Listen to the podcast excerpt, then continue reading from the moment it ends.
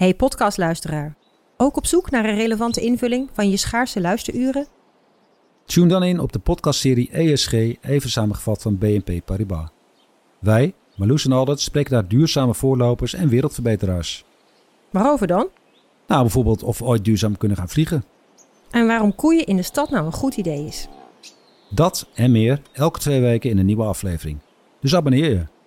ESG, even samengevat. Ik ben al jaren ondernemer, maar waar moet ik eigenlijk allemaal aan denken nu ik voor het eerst personeel wil aannemen, voor het eerst ga importeren of voor het eerst een bedrijfslocatie zoek? Weet wat je wel of niet moet doen bij zaken die je voor het eerst oppakt.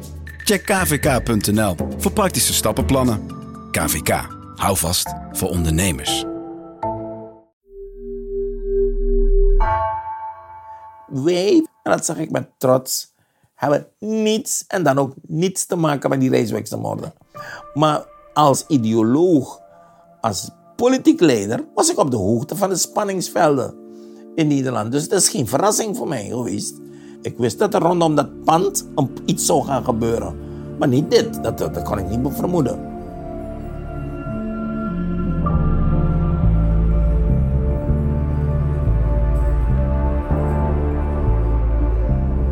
Is Het Geheim van Rijswijk. Een audioproductie van NRC. Mijn naam is Anna Korterink. Aflevering 5. Het gaat exploderen.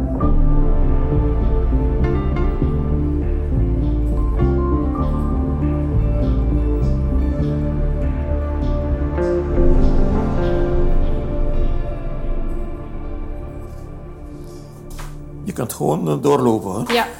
Ik doe even altijd. Uh, moet ik mijn schoenen uitdoen? Nee, nee, nee. Je, je, kunt gewoon je schoenen aanhouden. Oké.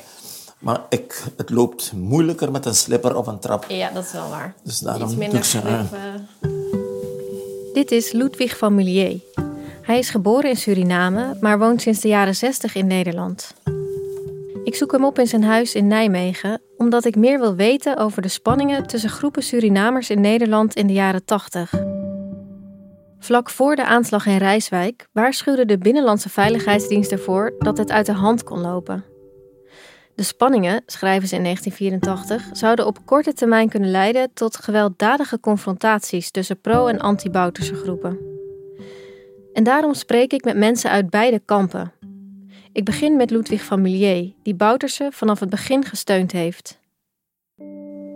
Ik ben als jonge Surinamer enthousiast geraakt door eh, ontwikkelingen na die staatsgreep. Die werden opgedragen aan de jongeren. Ja. Dus ik was doelgroep. Ja, dus ik zeg prima zaak.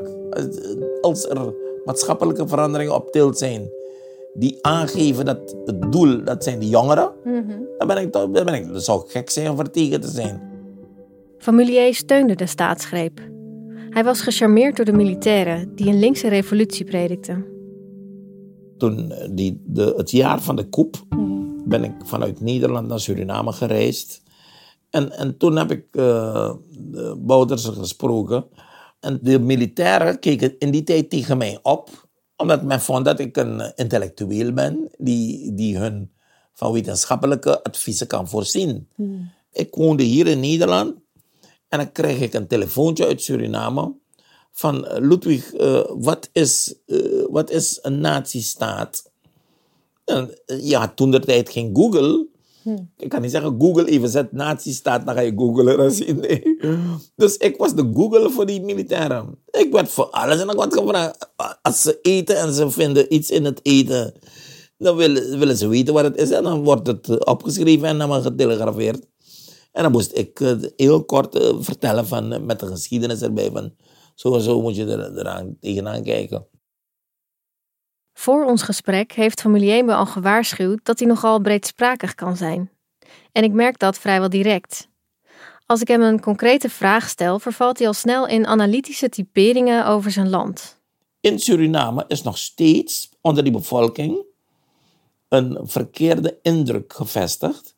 Dat de baas van iets, als je de baas bent, de baas van het gezin, de baas van een firma, de baas van een voetbalvereniging, dat betekent de alleenheerser. de man die zich niet hoeft te houden aan regels. Terwijl de baas als manager moet het voorbeeld geven, moet, moet de beste organisator zijn. Maar dat is niet het, het geval in Suriname. De baas is iemand die laat mag komen aan het werk. Die een bijvrouw mag hebben. Die met zijn sigaretten mag knoeien. Dat is de baas.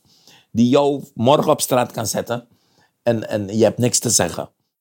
In ieder geval stond Familier dus dicht bij het militaire bewind aan het begin van de jaren tachtig. En tegelijkertijd distancieert hij zich van hen door te zeggen dat het simpele jongens zijn.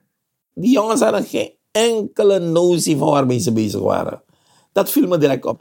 Maar ze waren bezig met vrouwen versieren, bling bling, wie rijdt de mooiste auto en, en eh, waar ga je wonen en eh, hoe maak je indruk op het volk. Om te begrijpen wat er in Nederland speelde tussen groepen Surinamers, moet ik vertellen wat er in Suriname aan de hand was. De militairen, die in korte tijd alle macht naar zich toe hadden getrokken, zagen zichzelf als linkse revolutionairen. Bouterse ook. En twee jaar na de staatsgreep, eind oktober 1982, nodigt Bouterse een andere linkse revolutionaire leider uit, Maurice Bishop, de president van Grenada. So you have this popular revolutionary explosion and ferment going through the region. And the reaction of the imperialists to this popular ferment is to try to crush those revolutions that are in power. Bouterse organiseert een bijeenkomst voor deze president. En hij hoopt dat heel Paramaribo voor hem zal uitlopen. In our entire region, there are only four that qualify to be called such. Cuba first and foremost, Nicaragua, Grenada and Suriname. Maar dat gebeurt niet. Want op diezelfde dag wordt een tegendemonstratie georganiseerd. De grootste vakbond van Suriname, de Moederbond, brengt 15.000 mensen op de been om te demonstreren tegen het Surinaamse militaire gezag. Tegenover 1500 aanwezigen bij het onthaal van Maurice Bishop. Dit leidt tot grote frustratie bij Desi Bouterse, die hard van leer trekt tegen vakbondsleider Cyril Daal.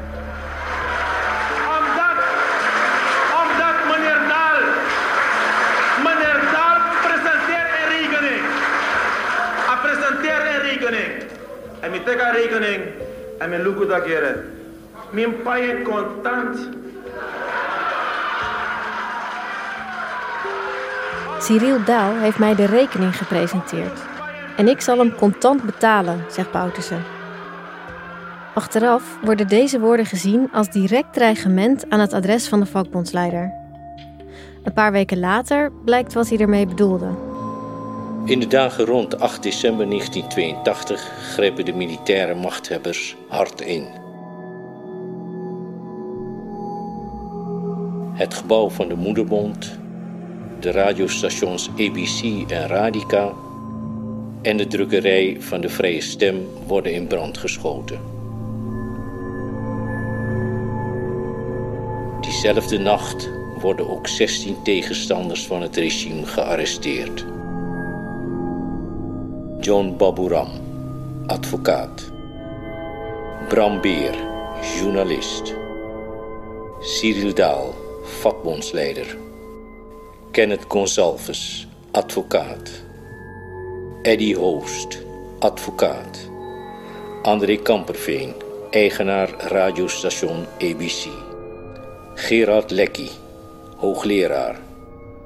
Sukrim Umrausing, hoogleraar. Leslie Rachman, journalist. Surender Rambokus, militair. Harold Riedewald, advocaat. Jiwan Sheombar, militair. Jozef Slagveer, journalist. Robbie Suhansing, zakenman. Frank Wijngaarden, journalist. Vijftien mensen worden vermoord. Een van de gearresteerden, Fred Derby, wordt op het laatste moment vrijgelaten. Vrienden en familie van de slachtoffers vluchten, onder andere naar Nederland. Mirjam en ik bezoeken Romeo Hoost, de neef van een van de slachtoffers van de decembermoorden. Hallo, we zijn er. Ja, Zesde etage, ja. Ook was hij in de jaren 80 lid van de Moederbond en de rechterhand van Cyril Daal, die zich verzette tegen het militaire regime. Daarom spreek ik hem. Ik ben benieuwd hoe hij als anti-Bouterse verzetsman de jaren 80 beleefd heeft. Zal ik doorlopen? Ja, Dan, loop maar ja. door, door. Hij vertelt me dat hij per toeval niet in Suriname was toen de decembermoorden plaatsvonden. Dus ik was in Brussel toen eh, de moorden plaatsvonden. Op in de nacht van 7 op 8 december. Romeo Hoost zat namens de Moederbond en namens Daal in Brussel voor een conferentie. De eerste die me belde. Hé, hey, waar ben je? Zet je radio aan. eh, oorlog in het staatsschip in je land. Branden, mensen opgepakt, mensen rond. Oh shit. Eh, ik begrijp het niet. Hoost komt moeilijk aan informatie over wat er in zijn land aan het gebeuren is. Zijn Brusselse collega's adviseren hem om naar Amsterdam te gaan en van daaruit te proberen contact te leggen met Suriname. Dat doet hij. De eerste die hij belt is de eigenaar van een kledingzaak waar hij wel eens in de winkel helpt. En ik had een telefoonnummer meegenomen voor het geval. Ik zei, je weet maar nooit. En ik had toen nog geen internet. Je had eh, tele... tele eh, Telegram? nee, Nee. eh, telex. Oh toen ja, telex, telex, ja. ja. Ik stuurde telex en niks, geen antwoorden, geen antwoorden, geen antwoorden. Die zaterdagochtend ben ik eerst naar de kiosk beneden gegaan om alle kranten te kopen, om te kijken, ja, de Nederlandse kranten, wat er gebeurde. Ja, inderdaad, Volkskrant, een groot foto op de voorpagina met het gebouw van de Moederbond. Die bestond nog. Ze hadden niet een recente foto, ze hadden een oude foto. Met groot vraagteken eronder. Moederbondgebouw ook een, een prooi geweest van de branden. Telegraaf had dit, AD had dat. En in Volkskrant was er een hele lijst met namen van mensen die zouden zijn vermoord. Belde toen eerst naar mijn bedrijf waar ik werkte. Geen antwoord. Ik heb al die nummers opgebeld, geen antwoord. Het was rond 12 uur. Logisch, we kregen geen contact, de, de verbindingen waren verbroken. Rond drie uur ging de telefoon over. Hey, wacht, wacht, het is contact, het is contact. Hoost vertelt het lachend, maar ik zie aan hem dat het moeilijk is om hierover te praten. Ik zie de tranen soms over zijn wangen lopen. En ik kreeg de directeur van mijn bedrijf. En ik vroeg hem, hey, wat is er gebeurd? Je weet met wie je praat? Hij zei ja. "Eh, wat is er gebeurd? Ah, niks. En toen werd ik, ja, maar we kunnen niet praten. De telefoons waren afgesloten, internationaal. Dus als er telefooncontact nu is, is een van de eerste, je wordt afgeluisterd. Dus ik kan me dat indenken. Ja? Ik werd er natuurlijk kwaad op. Ik zeg, luister, alsjeblieft, lul niet. Er is wat gebeurd. Hij zei, nee, het- ik zeg, heb hier een, naam, een, een lijst met namen in de krant van mensen die zijn overleden. Wat weet je? Nou, ik weet het niet. Ik zeg, alsjeblieft. Hij zei, oké, noem jij namen? En ik zei, ja of nee. Ik begon alle namen noemen. Ja, ja. Nee, die is op tijd weggekomen. Ja, ja. Nee, die is gevlucht. Ja, ja. Nee, die is ondergelopen. Ja, ja. Nee. En zo hoort Romeo Hoost dat Cyril Daal, de voorzitter van de Moederbond namens wie hij naar Brussel was gekomen, vermoord is. Kapot van dit nieuws belt Hoost zijn vrouw. Hij komt voorlopig niet terug, maar sluit zich aan bij de Bevrijdingsraad voor Suriname in Rijswijk. Hij gaat in verzet. De pro-Bouterse Ludwig van Milier zegt dicht bij het regime te staan dat voor de decembermoorden verantwoordelijk wordt gehouden. Maar hoe betrokken was hij? is een goede vraag. Ik, eh, ik, om te beginnen, ik was bij die feitelijke machinaties. Die hebben geleid tot de decembermoorden en de situatie daarna. Heb ik niets daarmee te maken. Ik ga mezelf ook niet belangrijker maken. Ik was niet zozeer de man die bemoeide met de interne gang van zaken. Ik was ideoloog. Ik heb alleen in ideologische zin heb ik goede directe contacten gehad om aan te geven welke richting we opgaan. Dat is ook belangrijk, maar ik was niet de doener. En men ging, als men iets ging doen, kwam ook niet met mij overleggen. Dus ik weet echt niets van het hele ding af. Maar nu komt het. Toen de daad al was gepleegd en het vraagstuk opdoemde, wat nu? Want die gevolgen hadden ze niet over nagedacht. En dan komt mijn rol. Dat ik me pas ben gaan bemoeien met het geharrewar en gekissebis daarna. Van je kunt niet, omdat zoiets heeft plaatsgehad, een heel land in de vuilnisbak gooien. Dat kan niet. Maar de vraag is dan wat wel. Je kunt ook niet doorgaan alsof er niks gebeurd is. En precies dat is het vraagstuk. Dat is het grote vraagstuk. Dat, en weinigen kunnen dat doorzien. Ook Ludwig van Millier zag hoe naar Nederland gevluchte Surinamers verzetsgroepen oprichtten tegen het regime van Bouterse. Hij reageerde daarop met een tegenbeweging, de Liga van Surinaamse Patriotten. In Amsterdam werd gisteren een Liga van Surinaamse Patriotten opgericht. Een Liga die hier het bewind Bouterse wil steunen.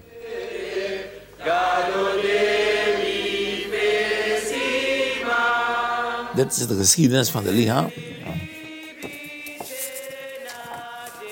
Dit, dit, zijn, dit is het weekbulletin van de Liga, van Surinaamse Patriotten.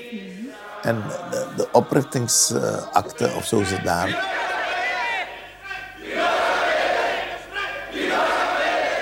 In februari 83 heb ik besloten met een groep jongeren in Nijmegen de Liga op te richten omdat we, we waren geïrriteerd.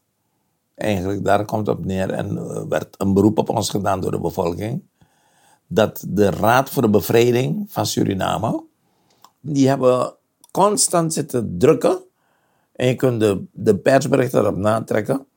Die hebben zitten ophitsen hier om een gewapende tegenaanval tegen Bouterse op te zetten. Wat Familier hier zegt, klopt. Er waren inderdaad mensen binnen het verzet die spraken over gewapende acties tegen het regime van Bouterse. Maar tot daadwerkelijke acties is het nooit gekomen. De grootste concrete dreiging die Familier noemt, ging uit van een groep verzetsmensen die in 1984 afreisden naar Frans-Guyana, het buurland van Suriname. Op Schiphol is zojuist het tweede deel van de groep Surinamers aangekomen die het afgelopen weekeinde in Frans-Guyana werden opgepakt. De 16 leden van de Raad van Verzet voor Suriname waren niet van plan rechtstreeks het regime van Bouterse aan te vallen. Dat zei woordvoerder John Akiet zojuist. De groep die afreisde naar Frans-Guyana stelde dat hun doel vooral was om communicatielijnen op te zetten met Suriname. We hadden een kern op Frans grondgebied om het verzet in Suriname te ondersteunen. Al waren er aanwijzingen dat ze wel degelijk meer van plan waren. De Franse gendarme heeft ons daarom ook niet gearresteerd, maar slechts uitgewezen. Maar nog voor ze iets konden doen, werden ze het land uitgezet.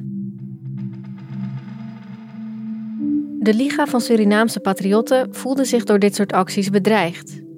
Maar de Bevrijdingsraad voor Suriname zag op hun beurt juist dreigingen vanuit het pro-Bouterse kamp. Romeo Hoost vertelt dat in de maanden voor de aanslag in Rijswijk verschillende incidenten plaatsvonden. Het eerste dat Hoost noemt is een mislukte aanslag op bevrijdingsraadlid Paul Somoharjo, waarbij diens broer gewond raakt. De broer van Somoharjo die is een keer overvallen bij Somoharjo thuis. Heeft, leeft tot nu toe met een kogel in zijn hoofd.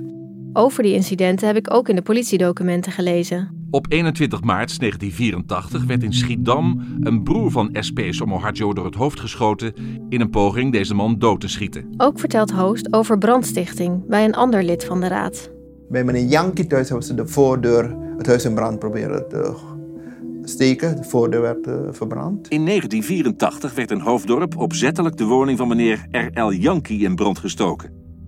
Uit de getuigenverklaringen is bekend geworden dat de opzettelijke brandstichting werd gepleegd door Evert Wolf, een bekende militante pro-Bouterse man die leiding geeft aan een aantal militante Surinamers in Nederland. Ook is er een ontploffing bij de winkel van Paul Samaharjo. En journalist Henry Shayat Singh, die kritisch is op Bouterse, wordt gewurgd gevonden in de Amstel.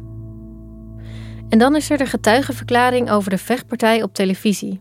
Naar aanleiding van dit televisieincident kwam vanuit het bevel in Suriname de opdracht dit incident op gewelddadige wijze te wreken door het plegen van moordaanslagen.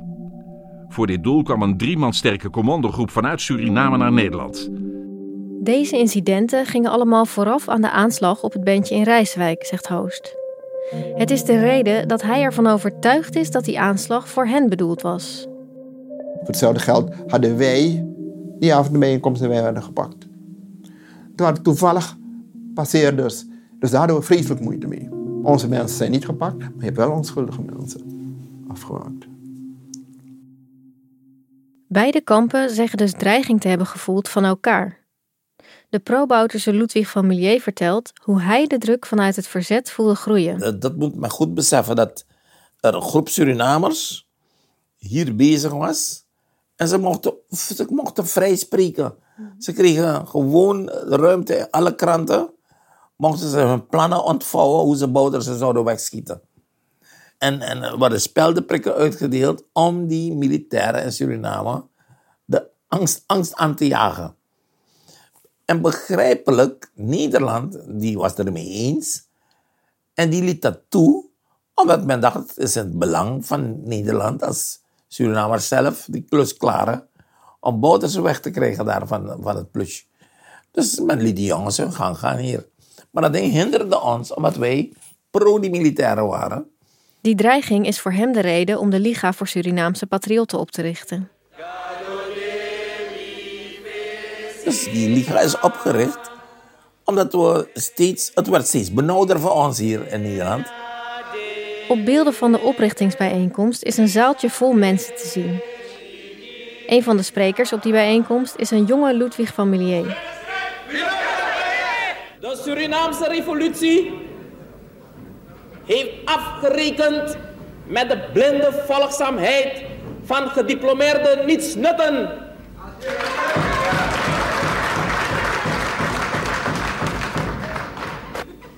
Inderdaad, het zijn ready moezoes.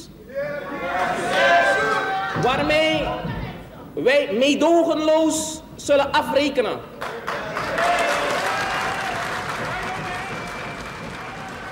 Reddy Moesoes, een door Surinaamse revolutionairen veel gebruikt scheldwoord in die tijd.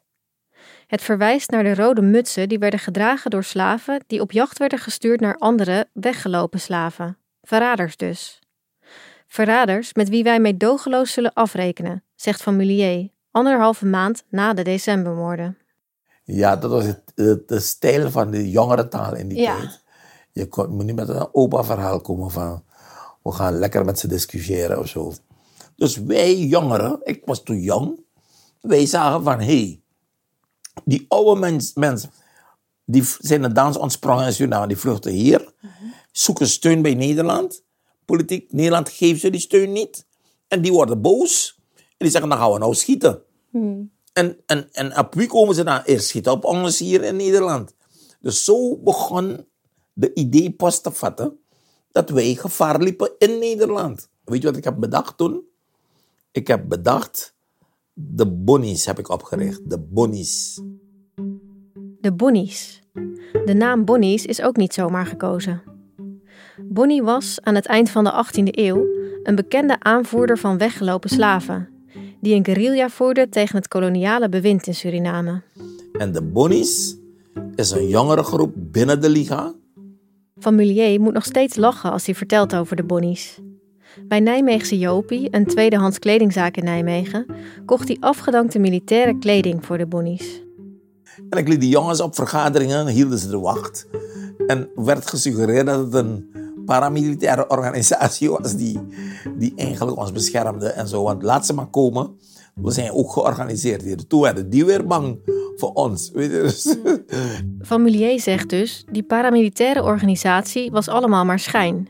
Puur om de andere kant te intimideren. van beide kanten nam die spanning toe. Want wat u zegt is dus, we deden alsof we ons, we Ja, deden ons maar- militair voor, maar wa- wat waren jullie concrete plannen dan? Zeg maar? Nee, we hadden geen plan. We hadden, de, het idee was om Nederland te gaan. En nu komt het op de politiek. En toen hebben wij dit signaal aan Nederland gegeven. We zeggen, Nederland, wij zijn migratiegroepen.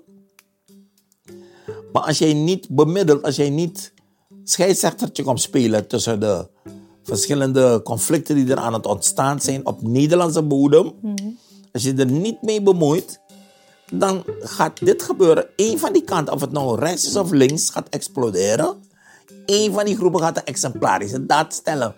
Het kan gericht zijn tegen die andere groep. Het kan gericht zijn tegen Nederland. Je gaat gewoon in VND en je blaast VND op en je zegt vrijheid voor, eh, voor Surinamers en zo. Weet je. Dus let op, bekom je bemoeien met de zaak. Een signaal aan Nederland. Bemoeien met deze zaak, want het gaat exploderen. Vanuit zowel de pro- als de anti-Bouterse beweging komt die vraag om hulp. Maar wat doet Nederland hier eigenlijk mee? Weet de regering hoe hoog de spanningen zijn opgelopen? En dat het op het punt staat om mis te gaan? De Binnenlandse Veiligheidsdienst was er in ieder geval wel van op de hoogte. En ook in de kranten werd er genoeg over geschreven. Maar een reactie van de politiek bleef uit. En aan welke kant is het dan voor het eerst geëxplodeerd? Om te beginnen, volgens mij is het niet geëxplodeerd. Nou ja, als je kijkt naar. Er is natuurlijk in 1984 een aanslag gepleegd op uh, Samuel Harjo, waarbij zijn broer dan. Oh, als je dat tot de explosie wil rekenen, dus ik liegen dat tot die woelingen. Hmm. Maar, de, de, maar, maar ik, ik noem een explosie veel erger. Hmm. Waar dus groepen mensen uit die samenleving, dus die er niks mee te maken hebben. Je zou het kunnen zien als een begin van zoiets. Ja. Dus dat is, daar heb je wel gelijk in. Groepen mensen uit de samenleving die er niks mee te maken hebben, zegt Familier. Ik denk natuurlijk meteen aan het bandje in Rijswijk. Ik vraag hem op de man af wat hij daarvan weet. Wij van de Liga van Surinaamse Patriotten, en dat zeg ik met trots, hebben niets en dan ook niets te maken met die Rijswijkse moorden. Maar als, ik praat nu als ideoloog, als politiek leider, was ik op de hoogte van de spanningsvelden in Nederland. Dus het is geen verrassing voor mij geweest. Had ik u- wist dat er rondom dat pand iets zou gaan gebeuren. Hmm. Maar niet dit. Ik geloof bijna niet wat Familier hier zegt. Hij wist dat er rondom het pand iets zou gaan gebeuren. Maar als ik hem vraag hoe het volgens hem dan zit met deze aanslag, blijft hij vaag. Ik geloof niet dat er sprake is van een vergissing. Ik hou alle opties open. In deze wereld moet je alles geloven. Ook dat van de veiligheidsdiensten uit hier ook allerlei pseudo-acties kunnen zijn beraamd. Familier werpt de mogelijkheid op dat de Nederlandse veiligheidsdienst er iets mee te maken zou hebben. Dat het een pseudo-actie kan zijn geweest. Hij noemt de BVD, maar in de krant heb ik ook gelezen over een scenario waarin de bevrijdingsraad de aanslag zelf zou hebben laten plegen. En ook iets wat we in de kranten lazen, is dat eh, de bevrijdingsraad er ook wel van beschuldigd werd. Mirjam legt dat scenario voor aan Romeo Hoost. Of in ieder geval dat de theorie ging dat het ook nog wel eens andersom zou kunnen zijn geweest. Nee. nee. Weet je meteen wat ik bedoel? Ja, dat wij aanslagen zouden kunnen plegen of mensen kunnen bedreigen. Nou, nee, dat jullie eh, de aanslag eigenlijk in scène hadden. Nee, kon dat maar waar zijn. Nee, nee hoor. No, heb ik nooit gehoord. Maar dat is gewoon... we hadden geen wapens, laat dat duidelijk zijn. Nee. Nee, het idee was soort van dat jullie dan... Aandacht kon trekken. Ja, en dat je dus Bouterse kon beschuldigen. Ja, nee, nee, En kon zeggen, Nederland, help ons. Want kijk, nee, nee, nee. wij nee, worden nee. bedreigd. Misschien door pro-Bouterse mensen Nee, nee, dat durf ik, dat, dat durf ik mijn hand voor in vuur te steken. Eh, nooit van de leiding gehoord en ik verwacht het ook niet. Integendeel, nee, nee. Kijk, als het zo was, was het zeker uitgelekt. Dat mensen in de leiding zaten. Om je eerlijk te waar te zeggen, die acht ik niet in staat. Nee. Volgens Romeo Hoost zat de bevrijdingsraad niet zelf achter de aanslag. En voor het scenario dat Ludwig van Millier opwierp, dat de veiligheidsdienst er iets mee te maken zou hebben, vind ik geen enkele aanwijzing. Maar van Millier zegt nog iets. Hij wijst me op iemand die er meer van zou weten. De man die dood is nu, dat is eh Evert John. Ja. Hij is de bron die heeft gezegd dat hij aanwijzingen heeft en dat hij weet over Bouterses betrokkenheid in die moorden van Rijswijk. Ja. Ja, dat is, dat is, de bron is John. Evert John, de man van het televisieincident. Die na een ruzie achter de schermen werd beschoten en lang in het pro-Bouterse kamp zat.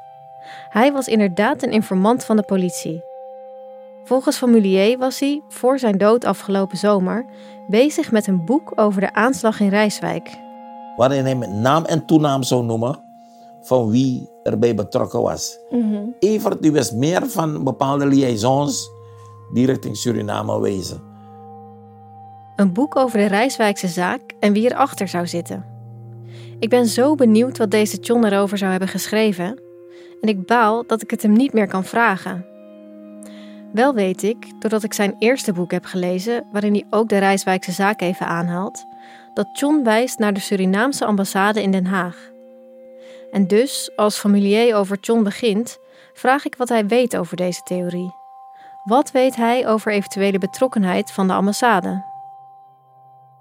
Had u contact eh, met mensen van de Surinaamse ambassade in Nederland? Heel veel contact, ja. Met, met welke mensen? Met allemaal. Iedereen die daar op de ambassade werkt, kende mij.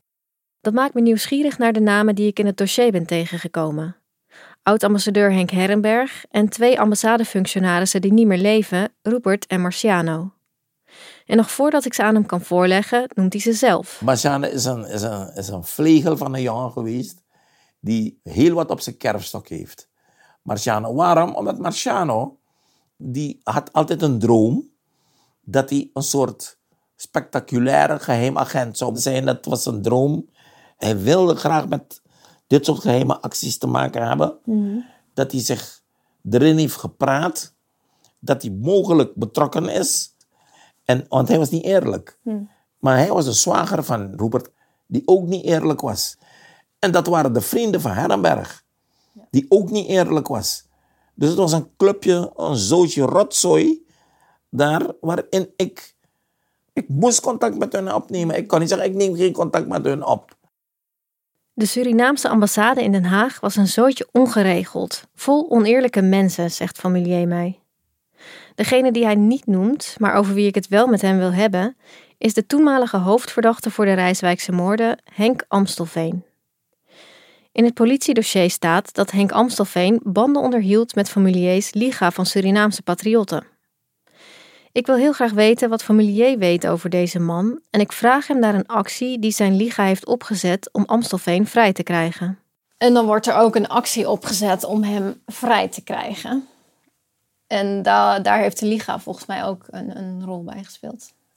Nou, Henk Amstelveen Vrij ik- Nu heet volgens mij de... Ja, maar ik herinner me dat in de tijd, kijk, de, de, de gang naar Suriname van Amstelveen heeft zich voltrokken buiten ons om. Dus dat zijn ambassade, om je een idee te geven, dus dat als ik wat heb geleerd in mijn hele leven van politiek, daarom zijn een heleboel mensen bang van de politiek. Je hebt duizend invalshoeken. Hmm. Eh, dat als je het vanuit een andere invalshoek bekijkt, zie je iets heel anders. Eh, de Liga, ik heb gewoon spontanistisch... Familier gaat niet in op mijn vraag en begint te vertellen over zijn ideologie. Pas na een paar minuten noemt hij weer de naam Amstelveen. Dat, om terug te komen op het ding van eh Amstelveen. Ja. Dat terwijl ik de ambassade, de, de Suriname ondersteunde en als gevolg daarvan eh goede relaties onderhield met de ambassade op alle niveaus. Ik kon rechtstreeks met de ambassadeur, heb ik ook ge- gehad, de contact Maar dat loopt uit op een verhaal over hoe familier ooit een eigen krant heeft gehad. Na een tijdje probeer ik nog een keer het gesprek terug te brengen op Henk Amstelveen. die 10.000 gestuurd voor hun. Ja. Maar ik wist van niks. Ik wist echt van niks. Maar hoe ging dat dan bij, bij Amstelveen? Nee, maar nee, maar dat, oh ja, we gaan naar Amstelveen. Ja. En even nog een, tuss- een tussenbericht nog. Ik kreeg toen van de ambassade kreeg ik een auto ter beschikking. Maar die ambassadeauto's hebben CD-teken, toch? Inmiddels vraag ik me af of de breedsprakigheid van familier niet gewoon een strategie is. Een tien minuten durende anekdote over de ambassadeauto later zijn we dan eindelijk waar we moeten zijn. Henk, die suggereerde altijd dat hij iets was. Hij was net als Marciano. Die twee waren van hetzelfde laken en pak. En ze suggereerden allemaal dat ze daar is aan de hand in zo'n actie. Dan is de hand in zo'n actie. En zo is hun... Familier kende Amstelveen dus en linkt hem ook aan de Surinaamse ambassade in Den Haag. Maar hoewel het lijkt alsof hij me meer over deze man gaat vertellen, loopt zijn verhaal dood. Hoe vaak ik ook probeer, ik krijg niets meer los over de Rijswijkse moorden of over Henk Amstelveen. En eigenlijk weet ik ook nog steeds niet hoe familier nu naar de aanslag kijkt. Aan de ene kant zegt hij niet te geloven dat het om een vergissing gaat, en aan de andere kant denkt hij te weten dat de ambassade erachter zit. Romeo Hoost is sinds de conferentie in Brussel nooit meer in Suriname geweest. Zolang Bouterse niet vastzit, blijft hij weg. Voor hem is het duidelijk. Ook het bandje is slachtoffer geworden van het gewelddadige regime. Surinamers in Nederland wijzen naar elkaar. En hoewel de politie een duidelijk scenario volgt, vraag ik me af wat zij met alternatieve scenario's hebben gedaan. Als ik op hun documenten moet afgaan, blijft de aanloop naar de aanslag in Rijswijk gebaseerd op geruchten. Toch kan ik me niet voorstellen dat als er in Nederland een aanslag wordt gepleegd met al dan niet onschuldige slachtoffers, waarvan het vermoeden is dat die aanslag is voorbereid vanuit een ander land, met medewerking van de ambassade van dat land, dat Nederland niet alles uit de kast zou trekken om de verantwoordelijken op te sporen. Waarom gebeurde er in 1985 dan zo weinig? Was het omdat het om Suriname ging? Durfde men Bouterse niet aan te pakken? Of speelden er andere belangen?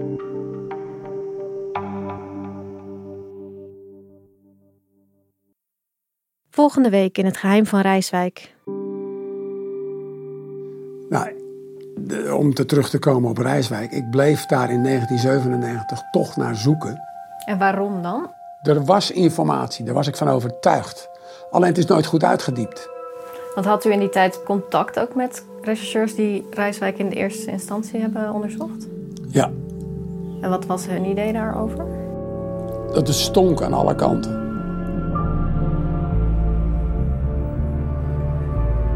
Dit is Het Geheim van Rijswijk, een podcast van NRC. Gemaakt door mij, Anna Korterink en Mirjam van Zuidam.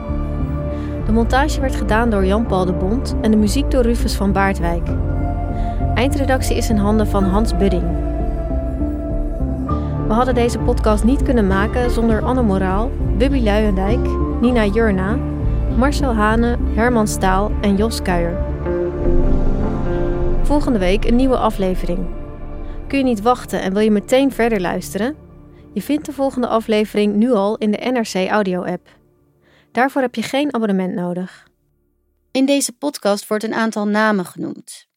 Ook van mensen die in gesprekken met betrokkenen of op basis van documenten als mogelijke verdachten worden aangemerkt. NRC heeft bij ieder van hen wederhoor gepleegd, mits zij nog in leven zijn. Als ze daar gebruik van wilden maken, krijgen zij in deze podcast de ruimte om te reageren. Hun reacties zullen in volgende afleveringen te horen zijn. Als het een overleden persoon betreft, is contact gelegd met de nabestaanden. Ook aan de verschillende instanties die in deze podcast voorbij komen, waaronder politie en justitie, is om een reactie gevraagd. Als zij daar gebruik van hebben gemaakt, is ook hun reactie in de podcast verwerkt. Technologie lijkt tegenwoordig het antwoord op iedere uitdaging. Bij PwC zien we dit anders. Als we de potentie van technologie willen benutten, kunnen we niet zonder een menselijk perspectief. Human-led, tech-powered noemen we dat. Ga naar pwc.nl.